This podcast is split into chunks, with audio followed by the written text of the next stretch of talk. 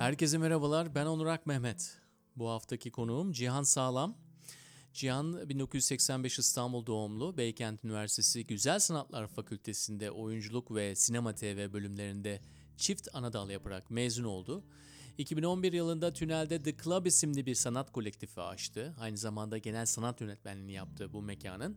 Kastında da deneyimli bir kuşakla gençleri bir araya getirdi. Çok yaratıcı ve aktiflerdi. İstanbul'un zengin kültürel hayatına harika bir katkıda bulundu.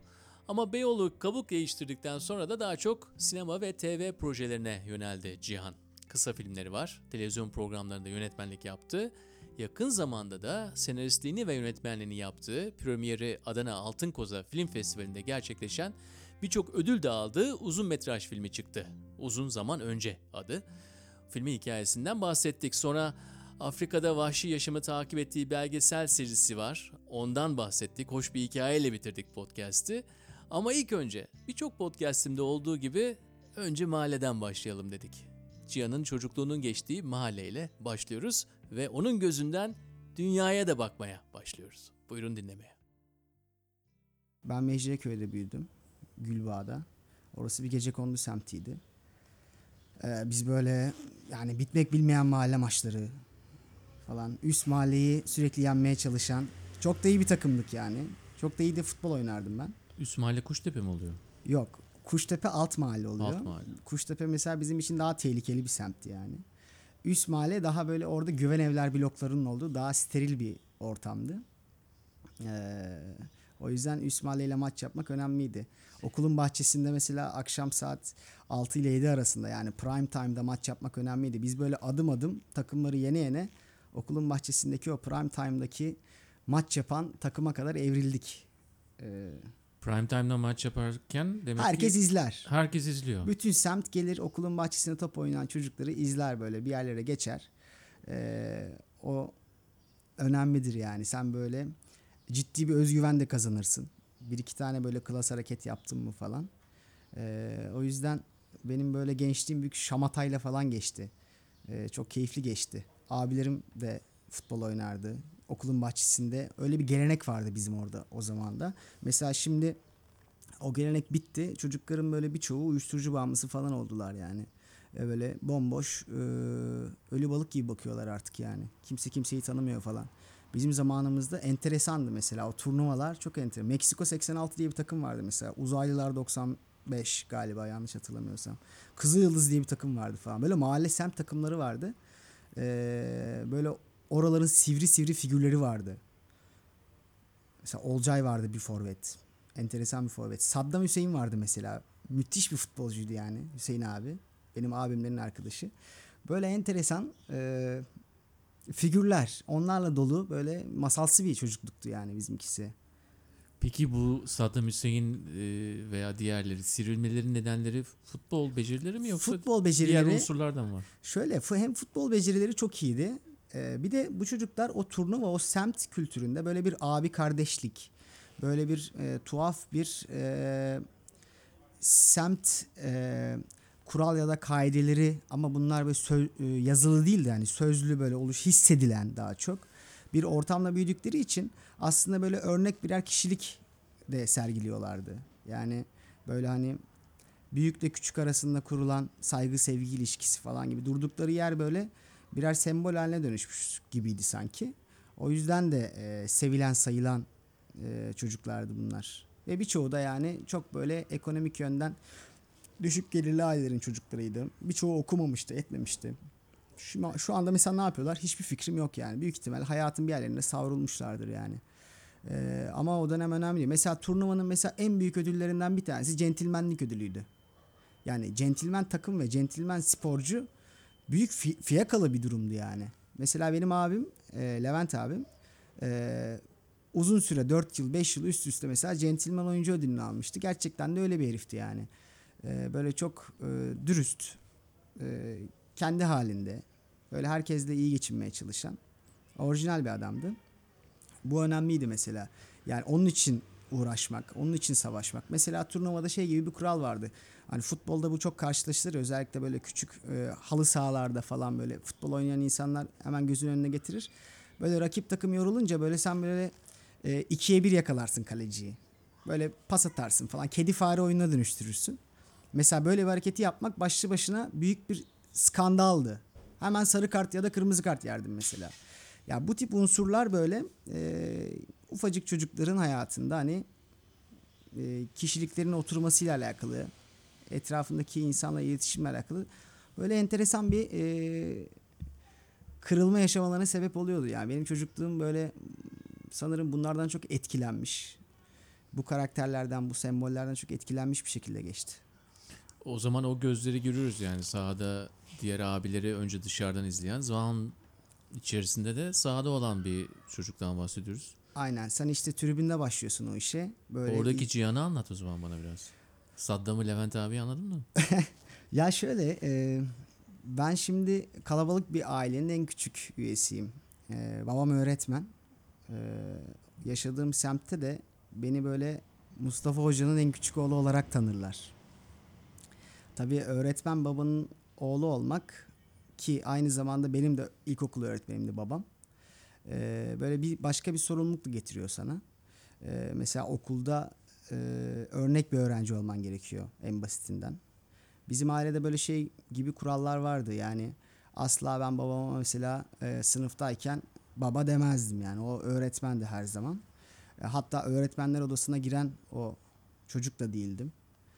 E, böyle bir takım uygulamalarla diyeyim adı konmamış uygulamalarla her zaman babam adil olmaya çalışırdı öğrencileri arasında. Fakat bu sizde ister istemez bir şey yaratıyor yani. Ben hani e, gerçekten babamın bu e, kimliğine zarar vermemeliyim. O yüzden ben derslerime çok çalışırdım. Ama bu böyle okula çanta götüren, defteri, kitabı düzenli çocuklardan değildim. Ben çok iyi dinlerdim. E, ve bunun da hayatım boyunca her zaman faydasını gördüm. E, meseleyi dinleyerek kavramaya çalışırdım. Onun özünü yakalamaya çalışırdım. Onun üzerine kafa yorardım. Ama müthiş bir baskı ya bir çocuk için. Yani e, Evet.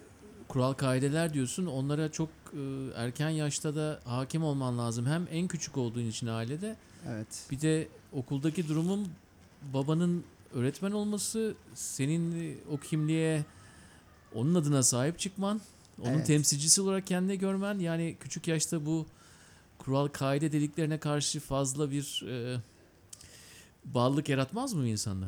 Aslında şöyle şimdi ben geriye dönüp baktığımda mesela e, bunu böyle tam olarak tespit edebilecek yaşlarda değildim tabii ki de ama şu andan söyleyebileceğim şu bu mesela sizi olgunlaştırıyor da E, benim mesela hala bir tarafım e, çok daha olgun ve yaşlı ve daha büyük meselelerle uğraşırken bir tarafım hala böyle çocuk kalmış gibidir. Böyle ikisi sanki ruhum böyle iki parçaya ayrılmış gibidir. Sanırım o zamanlardan kalma bir şey bu.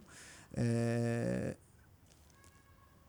yine de babamın ben iyi bir denge kurmaya çalıştığını düşünüyorum elinden geldiğince. E tabii zor Ee, bir yani onun durumu da kolay değil. O böyle jübilesini ben de yapmak istedi. Hani Nasıl ben seni bir de öğretmenin jübilesi nasıl oluyor? Son 5 sınıf mı? Evet son 5 sınıfı da hadi ben seninle yapayım sonra da emekli olayım dedi. Hatta ben o yüzden mesela ilkokula bir yıl geç başladım mesela. Ben normalde 6-7 yaşında falan gider çocuklar. Ben 8 yaşında gittim ilkokula. Bir yıl babamı bekledim. Ee, bir tarafıyla Jübilemi da seninle yapayım. Evet. Evet bir tarafıyla da e, babam ezci lideriydi yani. Böyle gerçekten enteresan bir adamdır. E, onun böyle bu hayatla olan ilişkisini ben çok seviyorum. Böyle idealist bir adamdır yani. Bu izci lideriydi. Yıllardır e, izcilikle uğraşıyordu. E, beni de izci yaptı. Ben bir yandan babamın böyle e, kumpanyasında diyeyim. Bir yandan böyle obabaşı gibi bir sorumluluğa da yükseldim. İzci e, Bursa bu Gemlik'te Gemlik Karacaeli tarafında izci kampına falan gitmişliğimiz de vardı. Böyle benim çocukluğumda işte 19 Mayıs'larda 23 Nisan'larda sürekli böyle tören yapan bir tayfa vardı. Böyle çeşitli e, senkronize hareketlerle böyle isim yazar, harf yapar gibi böyle bir eski bayramlar hatırlarsın sen. İşte o sahadaki çocuklardan biri bendim yani hayatım öyle geçti.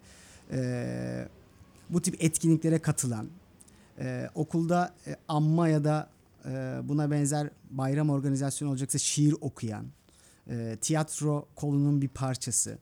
E, böyle sürekli renkli, hareketli, e, koşturmacı, e, böyle insanlarla etkileşim halinde e, böyle kalabalık bir programı olan bir çocuk gibi hatırlıyorum kendimi. Sosyal. Evet, sosyal. Oldukça sosyal. Ama illa karakterden değil de sanki biraz da durum da bu sosyalliği E, getirmiş. Birazcık o da getiriyor. Yani hani zaten siz e, öğretmenin oğlu olduğunuz için zaten ne kadar da olsa birazcık çıtırdan da kay- kayrılıyorsunuz ya da başka bir gözle de bakılabiliyor ya da öne öne de atılabiliyorsunuz. Ee, ama hani başka öğretmen çocukları da vardı mesela bizim okulda.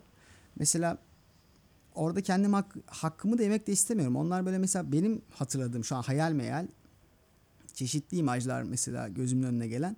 Onlar mesela daha şımarıktı. Pozisyonlarından yararlanıyorlardı. Sanki bana biraz öyle geliyorlar yani. Ben mesela o konuda e, onlar gibi davranmazdım. Az önceki verdiğim Sen örnek sahada yetişmişsin. Zaten oradaki abileri görmüşsün. İkiye bir kaleciyle karşı karşıya kalınca bundan yararlanmamak zaten bir etik haline gelmiş yani. Sen Evet o, o öğretilmiş bir şeydi. Az önceki verdiğim örnekteki öğretmenler odasına girmeme hali mesela önemli bir e, buradaki e, nokta. Onu anlayabiliyorum evet.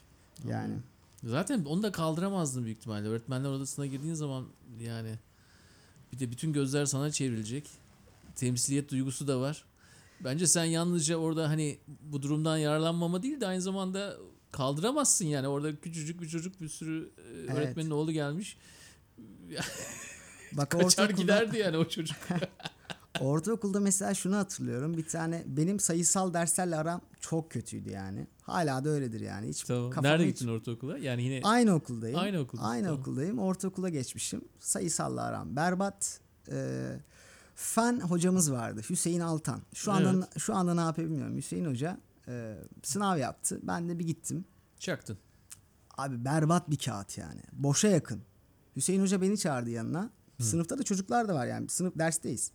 Gel bakayım buraya falan dedi.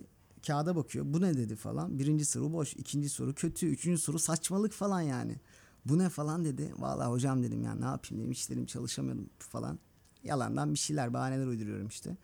Yakışıyor mu sana falan. Ya hocam ne yapayım falan dedim. Tamam dedi geç dedi yerine. Bir baktım oraya kağıda 70 yazdı. Ee, yani o böyle şey işte. Ne?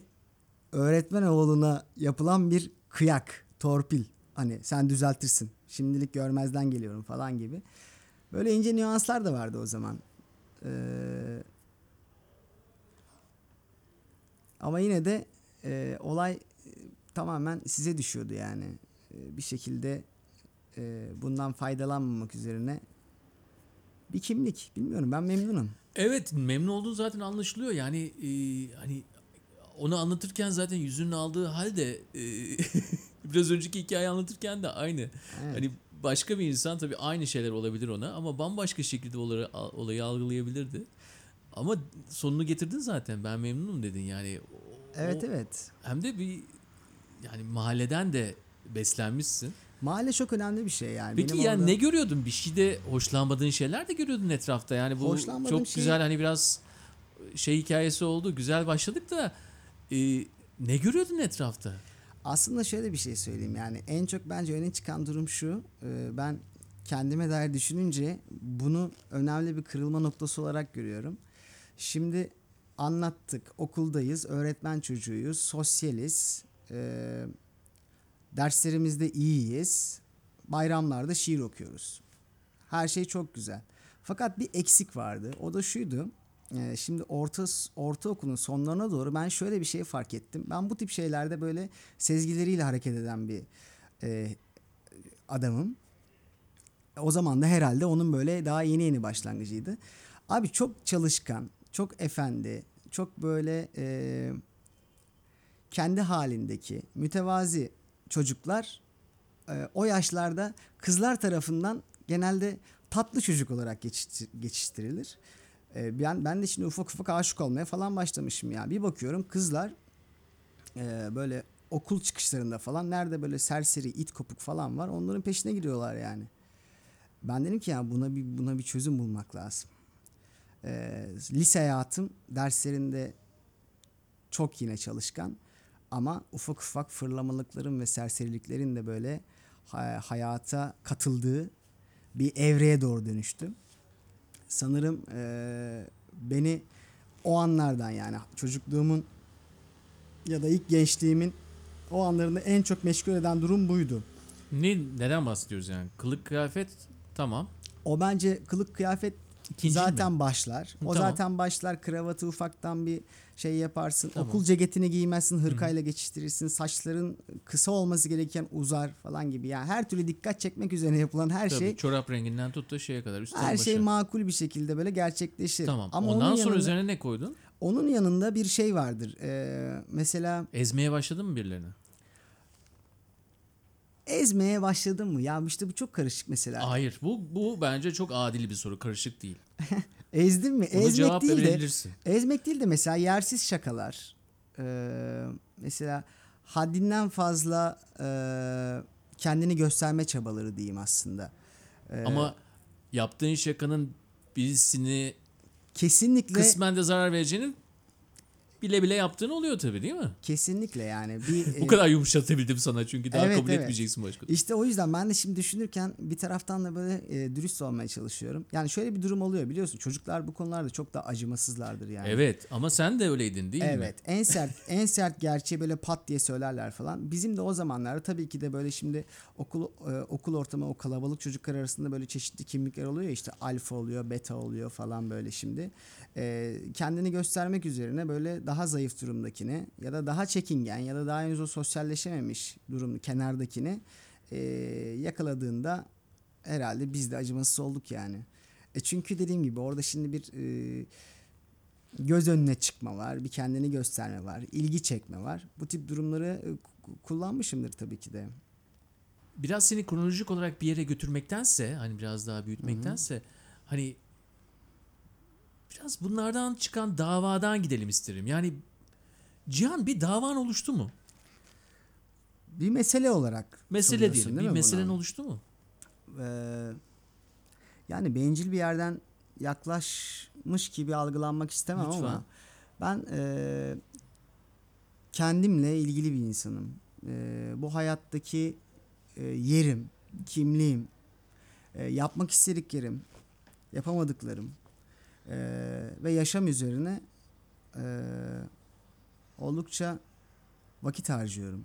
Her günü bu bu bir iş gücü Evet. gidiyor değil mi oraya? Ben Beyin eee, gücü. evet yani günümün çoğunu eee, hayat üzerine bu eee, evrenin gizemi üzerine biz neden buradayız ne yapıyoruz Eee, ne yapabiliriz gibi meseleler üzerine gerçekten düşünürken buluyorum Eee, o yüzden de uğraştığım alan eee, bir zamanlar tiyatroydu şimdi sinema ile ilgileniyorum genelde bu soruların, bu büyük soruların, aşılması zor büyük soruların etrafında şekilleniyor ya da dönüyor.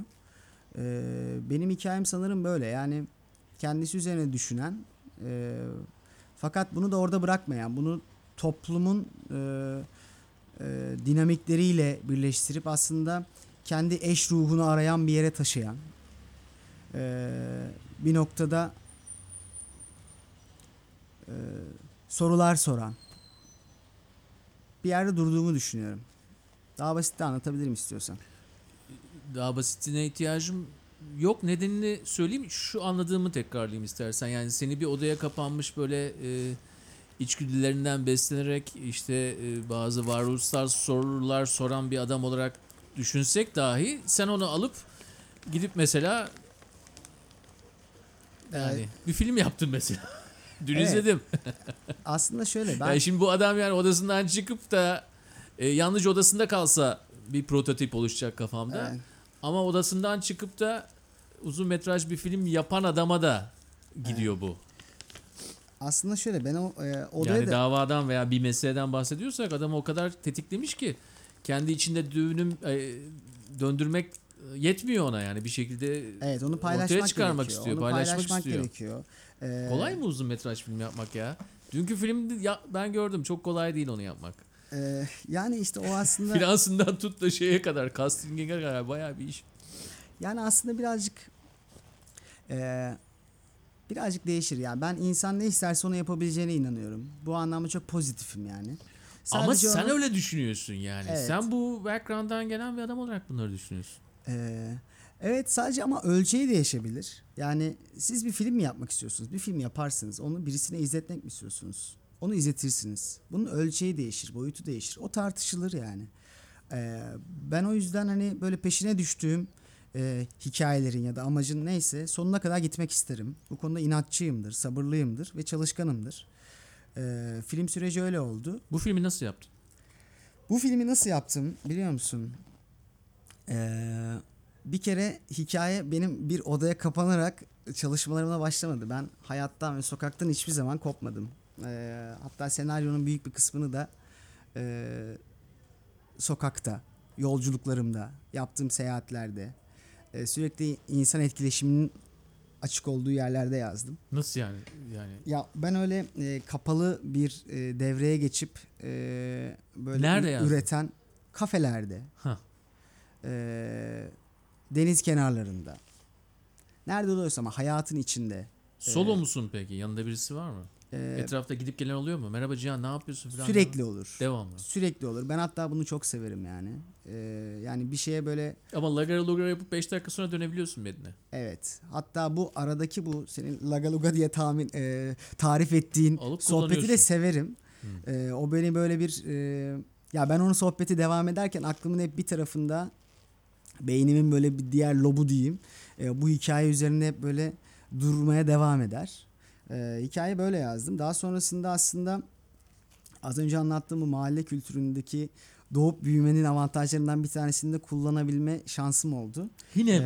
E, evet. Benim hayatımda her zaman Bence gençler çok şey kaçırıyor eğer mahallede bir tür büyümüyorlarsa. Baksana Evet. her yerden besliyor. Benim çok adamı. yakın arkadaşım yani doğma büyüme e, arkadaşlarımdan bir tanesi e, yapımcılık yapıyor. Reklam sektörü. Biz beraber büyüdük. Aynı üniversiteye gittik.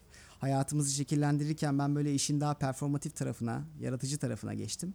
Oysa daha yapım tarafında kendisini ilerletti. E, onunla kafa kafaya verdik. Neler yapabiliriz diye. E, onunla beraber olmak benim tabii iş yükümü acayip hafifletti. Çünkü o bu e, filmin yapım meselesiyle ilgili olan bütün o sorunları aşmak üzerine kafa yorarken ben daha çok senaryo ve oyuncularla olan e, mesele ve filmin atmosfer duygusu gibi çeşitli başka dinamikleriyle uğraştım. E, o beni çok rahatlattı. Cenk Özçelik adı. E, benim hem ortağım hem hayal ortağım diye tanımlayabilirim aslında. Ee, yine mahalleden Ozan vardı, Ozan Akın. Benim çocukluk arkadaşım. O da bizimle beraberdi. O da prodük- prodüksiyon tasarımında e, yardımcı oldu. Ee, biz böyle aslında böyle Siz bir- gül bağlılar mı çektiniz filme? Evet, biz böyle e, Mecliköy Gülbağ'dan çıkan e, arkadaşlar bir araya geldik. E, bir film çektik. Hatta bunu e, şeyde paylaşmıştım. Bir tane fotoğraf gördüm. Böyle bir mahalle maçından dönmüşüz. Ben, Cenk, Ozan böyle üstümüz başımız artık falan kirpas içinde. Elimizde de bir tane futbol topu var. Ne zaman çekildi o fotoğraf onu hatırlamıyorum bile. Yıllar sonra bu filmden sonra önüme geldi o fotoğraf. Ee, onu görünce böyle internette falan da paylaşmıştım hatta yani. Bir mahalle maçından dönmüşüz yıllar önce. Ee, bugün de işte uzun metraj bir filmi tamamladık. Aynı kadro. Ee, benim için böyle şeyler önemli. Yani sevdiğim insanlarla sevdiğim işi yapabiliyor olma lüksü e, benim için oldukça önemli. E, o yüzden de aslında hani film yapmanın zorluğuyla alakalı mesele benim için hiçbir zaman öyle olmadı. Çünkü birincil derecede güvene yani sonsuz bir güvene e, sahip olduğum insanlarla omuz omuzaydım. O yüzden aslında işin zaten en zor tarafı da bence bu. E, bugün bağımsız sinemayla uğraşan insanların en büyük aslında mücadelesi de biraz burada oluyor. E, hayalinize ortak edebileceğiniz insanlar bulmak ve o insanlarla güven dolu bir ilişki kurabilmek. Ben zaten orada bir sıfır önde başlamıştım sanki. Çok güzel an- anlattın yani bir sıfır öne başlamışsın ama aynı zamanda bu e, mahalle e, sahasında top oynayan çocuklar, fotoğraf çektiren çocuklar da Hı hı. hani ortak e, o rüyalarını filme taşıdıkları zaman da e, böyle bir maço filmde yapmamışlar yani. Evet. Ataerkil sistemin e, nuanslarını göz önüne koyabilecek kadar da Evet. e, beslenmişler yani bunu dinlemeyen birisi mesela öyle ön yargılar içerisine girebilir. Ya top sahasından arkadaşlardan ne tür bir film çıkar? İşte böyle filmler de çıkıyor. Evet ya bir kere o zaten işte e, benim bu hani anlattığım güvenli bölgeyi terk edip e, yolculuklara açılması gerekir insan dediğim o zaman diliminde oluşmuş bir şey. E, hayata değer düşmeye başlıyorsunuz tabii ki de yani. Ben de şimdi üniversite Üniversite benim için çok öğretici. Ee, konservatuarda tiyatro okuyorum. Ee, klasik metinleri araştırıyorum. Kendimi bulmaya çalışıyorum. Ee, o günlerden kalma bir şey sanırım beni etkilemiş durumda. Çocukluğumda da vardı bu hissiyat ama ben böyle gerçekten adalet ve e, vicdan gibi meselelere kafayı takmış bir adamım. Ee, şimdi bütün bu vicdan, adalet, e, kimlik gibi kavramlar üzerine düşünürken bu iktidar ilişkisi meselesi, e, iktidar, güç, güç zehirlenmesi ya da gücün suçla olan ilişkisi meselesi benim ilgimi çekmeye başlamıştı. Ta o zamanlardan kalma bir e, alt hikayesi vardı e, uzun zaman öncenin. E, bir de böyle ben bu topraklara baktığımda e, Anadolu'da yaşamış olmanın, Anadolu'da doğup büyümüş olmanın e, çoğu zaman ıskalandığını fark ederim. Yani bu toprakların inanılmaz bir e, geçmiş atmosferi var. Bir mitoloji var. Burada e, birbirinin üzerine yığılmış e, onlarca, yüzlerce kültür var ve bu kültür geçişlerinin izlerini görmek mümkün. E, ben aslında yalnızca bir baba oğul hikayesi e, anlatmak üzerine yola çıkmamıştım. Bu güç ve suç e, ilişkisi üzerine bir erkek egemen topraklardaki mitolojik de böyle nüansları olan e, bir e, suç ve gizem e, ilişkisi ortaya koymak istedim. Bunlar benim özellikle vicdan teması e, ilgimi çekiyordu. Güç, suç, gizem, vicdan. Evet ya bunlar e, ya özellikle Balzac'ın lafı var ya her büyük servetin arkasında gizli bir suç yatar. Sevdiğim bir laftır bu. E, ben bu topraklardaki bu erkek egemen sesi de hep böyle e, bakıyorum nedense. Yani sanki bir şekilde biliyorsun Anadolu'da yani Anadolu hem mitolojik olarak da böyle kadın ana tanrıçaların e, yoğun olduğu, anaerkil toplum düzeninin yaygın olduğu bir kültürden e, hangi ara tarihin hangi sayfasında erkek egemen bir topluma dönüşmüş bunlar üzerine falan mesela böyle kafa yormak gerekiyor gerçekten. Yani e, Kibele'ye tapınan bir kültürden bahsediyoruz. Hangi ara acaba erkekler e, bir numara yapıp bu e, toplumsal e, politik zeminde kendilerini egemen kıldılar. Bunlar üzerine düşünmek gerekiyor birazcık. E, filmde böyle bir e, iktidar erk sahibi babanın olamamış, tutunamamış, kendini bulamamış kardeşlerinin öyküsü, çocuklarının öyküsü. E, Bu tema dahilinde algılayabilirsin bunu da. e, Dışarıdan gelen sesi. yargıların hmm, hikayesi, oluşan yargıların hikayesi. Bu olamamışlığın getirdiği yargıların hikayesi aslında uzun zaman önce. Ee, böyle bir damardan yola çıktı yani. Ee, kısa bir soru. Uzun zaman önceyi şu an insanlar izleyebilir mi? Nerede izleyebilirler? Ee, başka sinemada gösterimdeydi uzun zaman önce. Ee, Eylül ayında bu pandemi sürecinde e, vizyona girdik biz. Bayağı sağlık krizinin pik yaptığı bir noktada. Ee, Kaç hafta kaldınız vizyonda? Biz aslında vizyondan kalkmadık. Hala devam ediyoruz. Sadece sadece başka sinema e, filmin gösterimini çeşitli e, il ve sinema salonlarında böyle e, değiştirerek, gezdirerek yaymış durumda. Yani şu an biz burada konuşurken film bir yerde gösteriliyor mu? Evet, şu anda e, belki Isparta'da, belki Konya'da bir yerde karşılaşıyor. Tekrar İstanbul'a gelecektir. Böyle bir bir sene boyunca sanırım e, böyle çeşitli il ve ilçelerde ve uzun zaman önceyle karşılaşabilir izleyiciler. Başka sinema sitesinden takip edebilirler. Bizim dağıtımcımız onlar. E, oradan bakmaları gerekiyor. Evet. Peki e, bu temalardan da biraz hani e, girelim mi politik kimliğine onun oluşmasına? Gidelim. Nereye gittik? Yani nasıl evrildik? Yani bir e, e, hele de yani tamam bunu 2020'de konuşuyoruz. E, hani oldukça bu güç suç bunlar artık hani nasıl Covid e, çemberi daralıyor ya onun gibi artık daralmaya başladı. Herkes hayatında hissediyor herhalde bunu. Yani görünür kılınmaya başladı. sanırım. Görünür kılınmaya başladı diyelim. Evet. Güzel. Yoksa insanın olduğu yerde her zaman bu vardı yani. Kendini nasıl konumluyorsun? Yani şu andaki halinle 36 yaşındaki Cihan. 36 yaşındaki Cihan eskisi kadar e, agresif ve e, heyecanlı değil. E, meseleleri tartışırken daha oturaklı, daha sakin. E, daha empati duygusu daha yüksek ve e, olayları başka geniş çerçevelerden de e, görmeye, duymaya meraklı e, bir noktada. Ama 20'li tam bunun zamanı geçmedi mi artık? Yani artık geniş çerçevede bakmak daha ne kadar geniş çerçevede bakacağız ki yani artık suç, güç.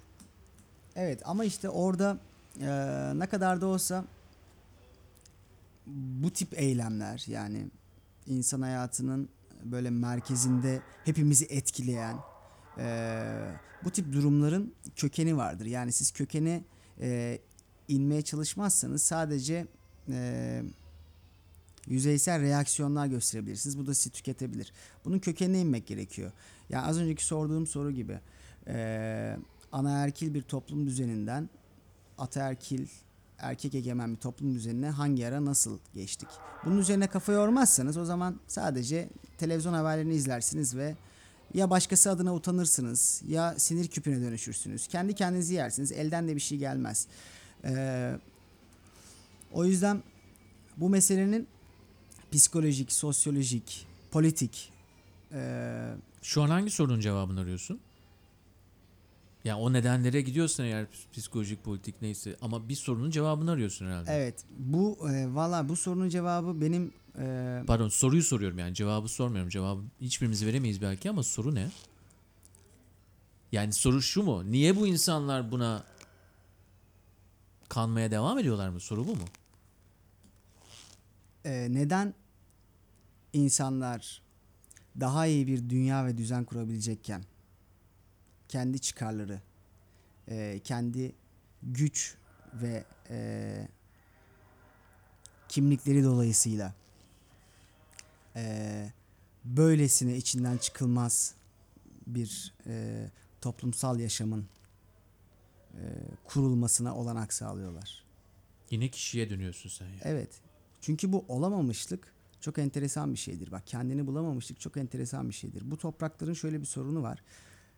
Türkiye çok özel bir ülke. Ben dünyanın birçok tarafına gittim. Özellikle Afrika'da belgesel çektiğim dönem en son plastik atıkla alakalı 6 ülkede belgesel çektim mesela. Dünyanın yani 4 farklı kıtasında birçok ülkeyi gezme ve orada yaşama şansım oldu. Türkiye onların arasında çok ayrıksı ve özel bir yerde duruyor. Ee, ülkemi çok seviyorum ben e, eşsiz bir kimliği var. Çünkü ne doğuda gerçekten ne de batıda. İkisinin de böyle bir karmaşası. E, fakat bu e, Ve aynı zamanda galiba durumlarında o kadar da kötü olmadığı bir yer tabii gittiğin yerlerde karşılaştığın zaman. Tam dünyanın ortasında olan bir yer. evet dünyanın ortasında bir yer. Özen Yula sevgili arkadaşım çok da iyi bir oyun yazarının böyle bir oyunu vardır. Dünyanın ortasında bir yer Türkiye. E, tam böyle olunca e, kimliğini bulma konusunda bir e, sorun ve bir e, bocalama yaşıyor gibi geliyor. E, bunun bu büyük ülkenin üyeleri olarak bu hepimizde var. Yani kendimizi tanımlarken biz e, o kadar karmaşık bir e, kişilik modelleri üzerine kendimizi nasıl söyleyebilirim bunu? Çok yerden beslenebiliriz. Yani bir kaos var içerisinde böyle alıp seçip bir şey bir, bir birey haline sokmak o kadar kolay olmuyor. Bir heykeltıraş olman lazım. Kendini böyle bir hale sokacaksın ki neyi istiyorsun, neyi istemiyorsun, neye dur diyeceksin, neyi kucaklayacaksın. Her biri böyle mikro kararlardan zaten bir bütün bir kiş- kişilik oluşuyor. Evet. işte bu e, bu sanırım bu kendini bulamamış ve olamamışlığın e, yarattığı bir savunma mekanizması gibi e, oldukça saldırgan ve böyle kendini sürekli böyle ortaya koymak isteyen e, masaya yumruğunu vurmak isteyen hani bu şey vardır ya küçük köpekler daha çok havlarlar. Çünkü sürekli kendilerini tehdit altında hissederler. Bunun gibi bir meseleye doğru evriliyor sanki bu durum. Ee, buralarda falan biraz sakinleşmek gerekiyor. Ee, çünkü gerçekten az önce anlattığım şekilde bu ülkenin bu kadim kimliğini, kültürünü sahiplenip total bir yerden bakarsak aslında bu coğrafyada yaşamak konusunda ne kadar şanslı olduğumuz gibi enteresan bir yere de gidebiliriz Evet yani. doğru doğru. Afrika diyelim o zaman ya. Yani e, kaç ülkeye gittin dedin? 6 ülkeye gittin. En Nereli son- onlar? Şöyle e, Afrika'da bu filmden önce Engin Altan Düzyatan'ın bir projesi vardı. Afrika'daki su sorununa dair. E, burada bir farkındalık projesi gerçekleştirmek istiyordu. Oradaki hikaye şöyle. e, biz e, köyleri ziyaret ettik ama bizim asıl belgesele konu ettiğimiz durum Engin Altan'ın Afrika'ya yaptığı, Masai Mara'da yaptığı büyük göçü takip eden yolculuğuydu. Çünkü orada büyük göçte e, başka bir aksta oradaki hayvanlar Serengeti'den Masai Mara'ya doğru bir yolculuğa çıkıyorlar. Hem su kaynaklarına hem de oradaki besin kaynaklarına ulaşabilmek için verimli topraklara doğru böyle kurak araziden gidip gelen bir yolculukları var. Engin Hangi Altan- hayvanlar? e, yani aklınıza gelebilecek doğadaki bütün hayvanlar. Fil var mı? Fil var, e, bufalolar var, e, Şimdi benim gözümde canlandırmam için şöyle bir soru sorayım. Büyük göç değil mi? evet, Tamam. Siz takip ediyorsunuz evet. ee, şeyi hostu diyelim. Evet. Belgeselin hostunu. Hmm, Sen ne görüyorsun etrafta? Şimdi büyük büyük hayvanlar antilopundan tut da filine kadar. Şimdi şöyle bir durum var. Afrika macerası çok ilginç. Çünkü proje ilk bana teklif edildiğinde e, konsepti şöyleydi. Engin Altan Afrika'ya gidecek. Oradaki su krizine dair bir farkındalık projesi oluşturacak. Büyük göçü takip edecek. Çeşitli fotoğraflar çekecek. Bir sergi açacak. Bu sergiye toplanan parayla Afrika'daki e, Kuyu açacaksınız. evet Afrika'daki çeşitli köylere, acil durumda köylere kuyular açılacak. Güzel.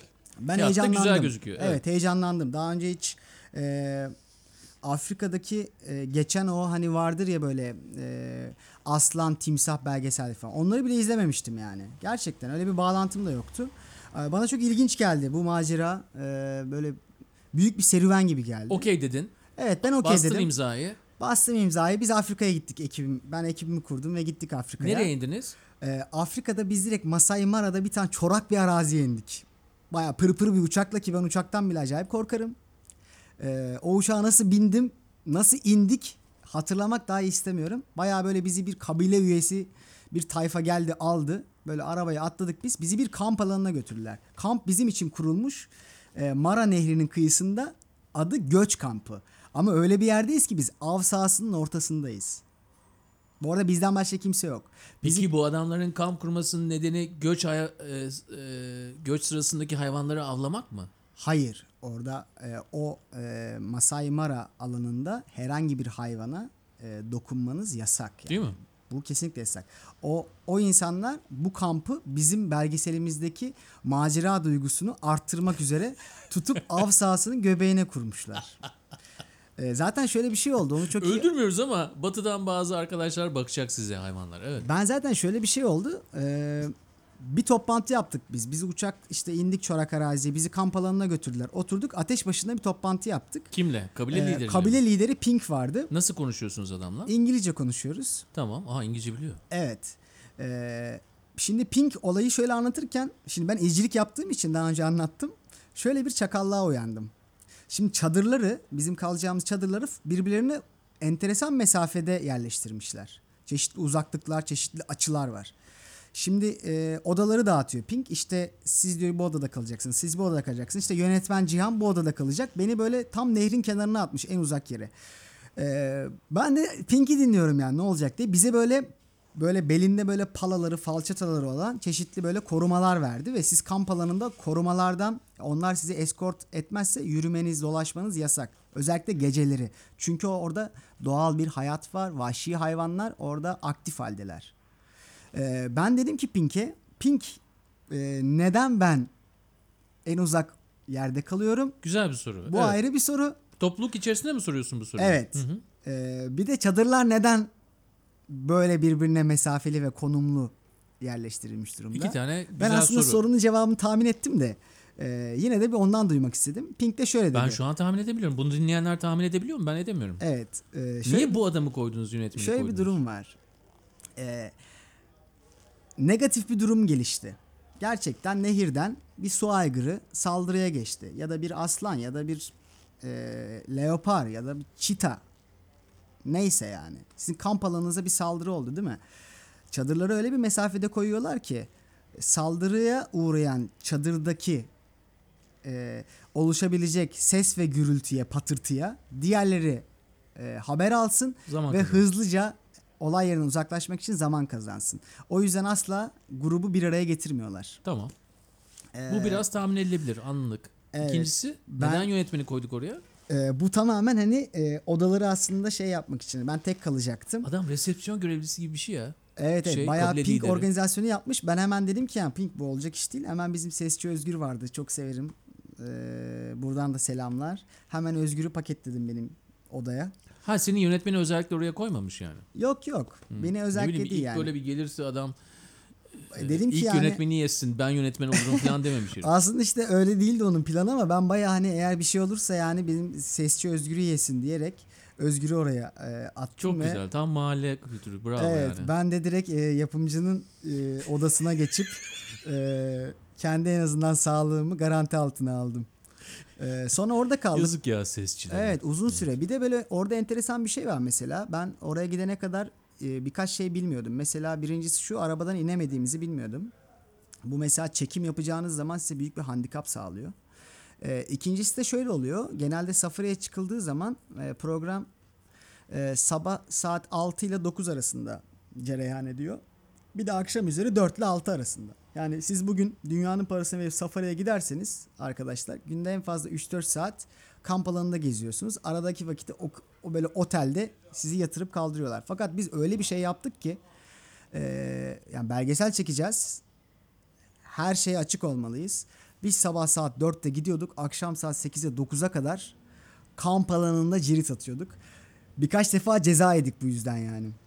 Ee, yani otele kamp alanına kesinlikle dönmek yok. Ee, sürekli sahadayız. O yüzden başımıza o kadar ilginç şeyler geldi ki. Ne işte ne geldi? Başınıza bir güneş geçmiştir herhalde. Hayır tam tersine inanılmaz avlara şahit olduk yani. Aslanların antilopları parçaladığı avlar mı dersiniz? Ee, timsahların nehirde antilopları boğduğu anlar mı dersiniz?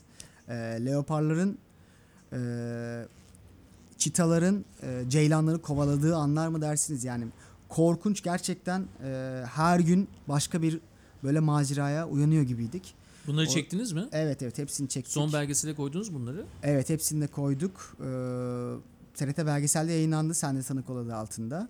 Tabii ki de şöyle bir yanlış anlaşılma oldu şimdi. Sanki böyle biz Afrika'da hani bir e, e, sarkık dudak ismindeki bir aslanın hikayesini çekiyormuşuz gibi algılandı ama biz aslında Engin Altan'ın Afrika'daki yolculuğunu çekiyorduk. O yüzden bizim aslında ana anlattığımız mesele Engin Altan'ın e, bu yaşanan olaylara şahit olması ve oradaki Afrika'daki e, su sorununa dair çevre köyleri ziyaret edip insanlarla etkileşim haline geçmesiydi. Tamam Bizim- bunu ben- anlatabildiniz mi?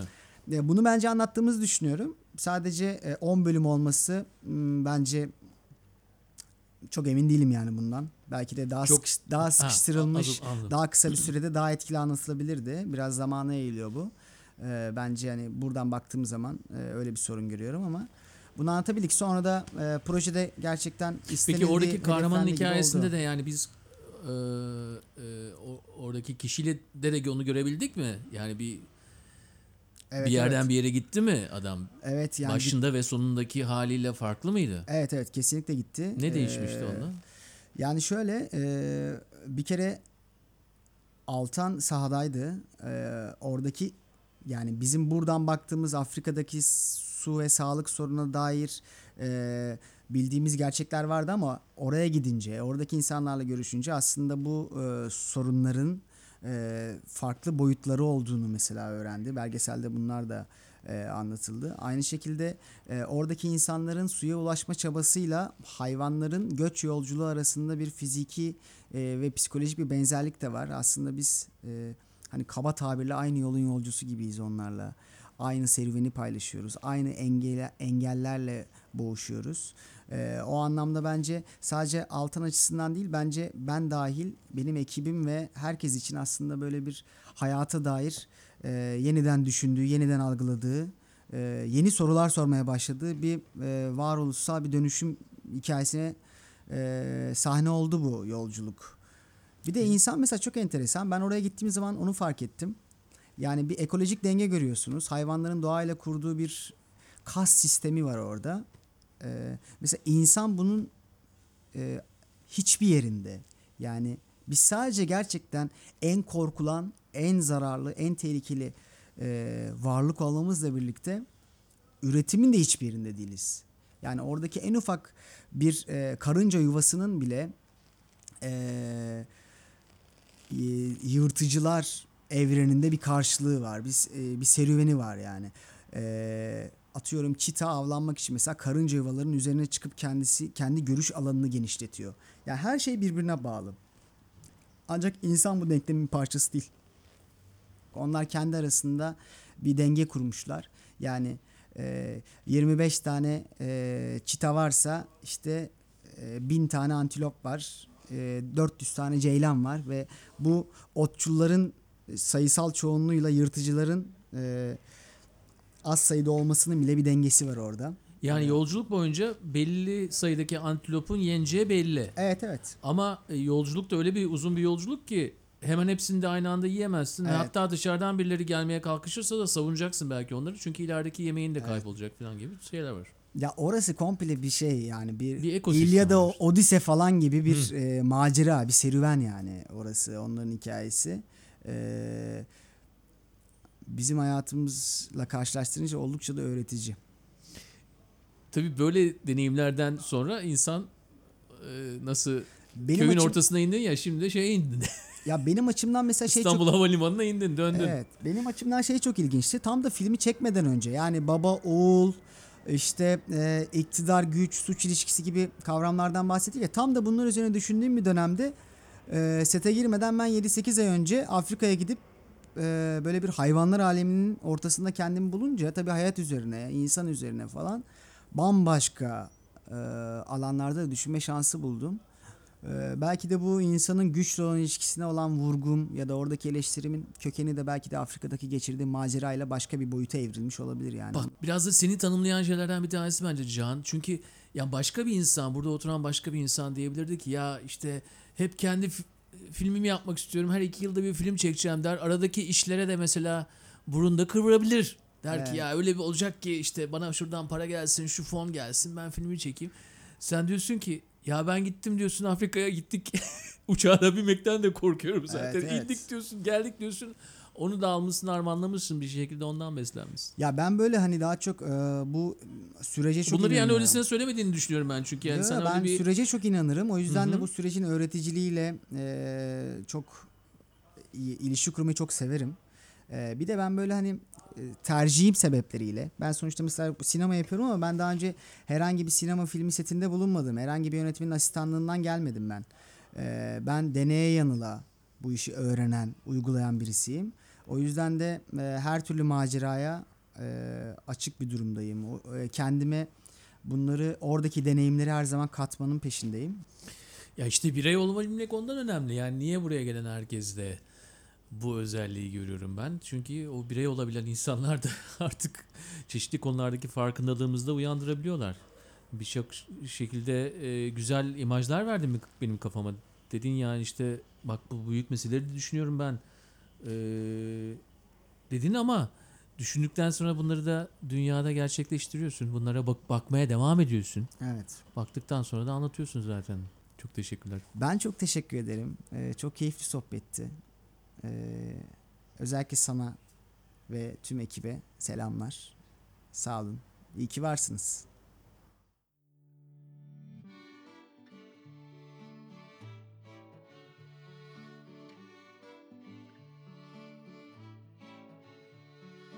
Bu haftaki podcast'te Şişli Gülbağ'da başladık. Bir okul bahçesindeki primetime maçları izlerken kendimizi Doğu Afrika'da Serengeti'de bulduk. İşte hikayeler bizi seyahatlere çıkartıyor. Cihan'a çok teşekkür ediyoruz. Kendi hayatında bizim gezmemize imkan sağladığı için. Haftaya yeni bir insan, yeni bir hikaye ve yeni bir podcastle yine buradayım. Görüşmek üzere.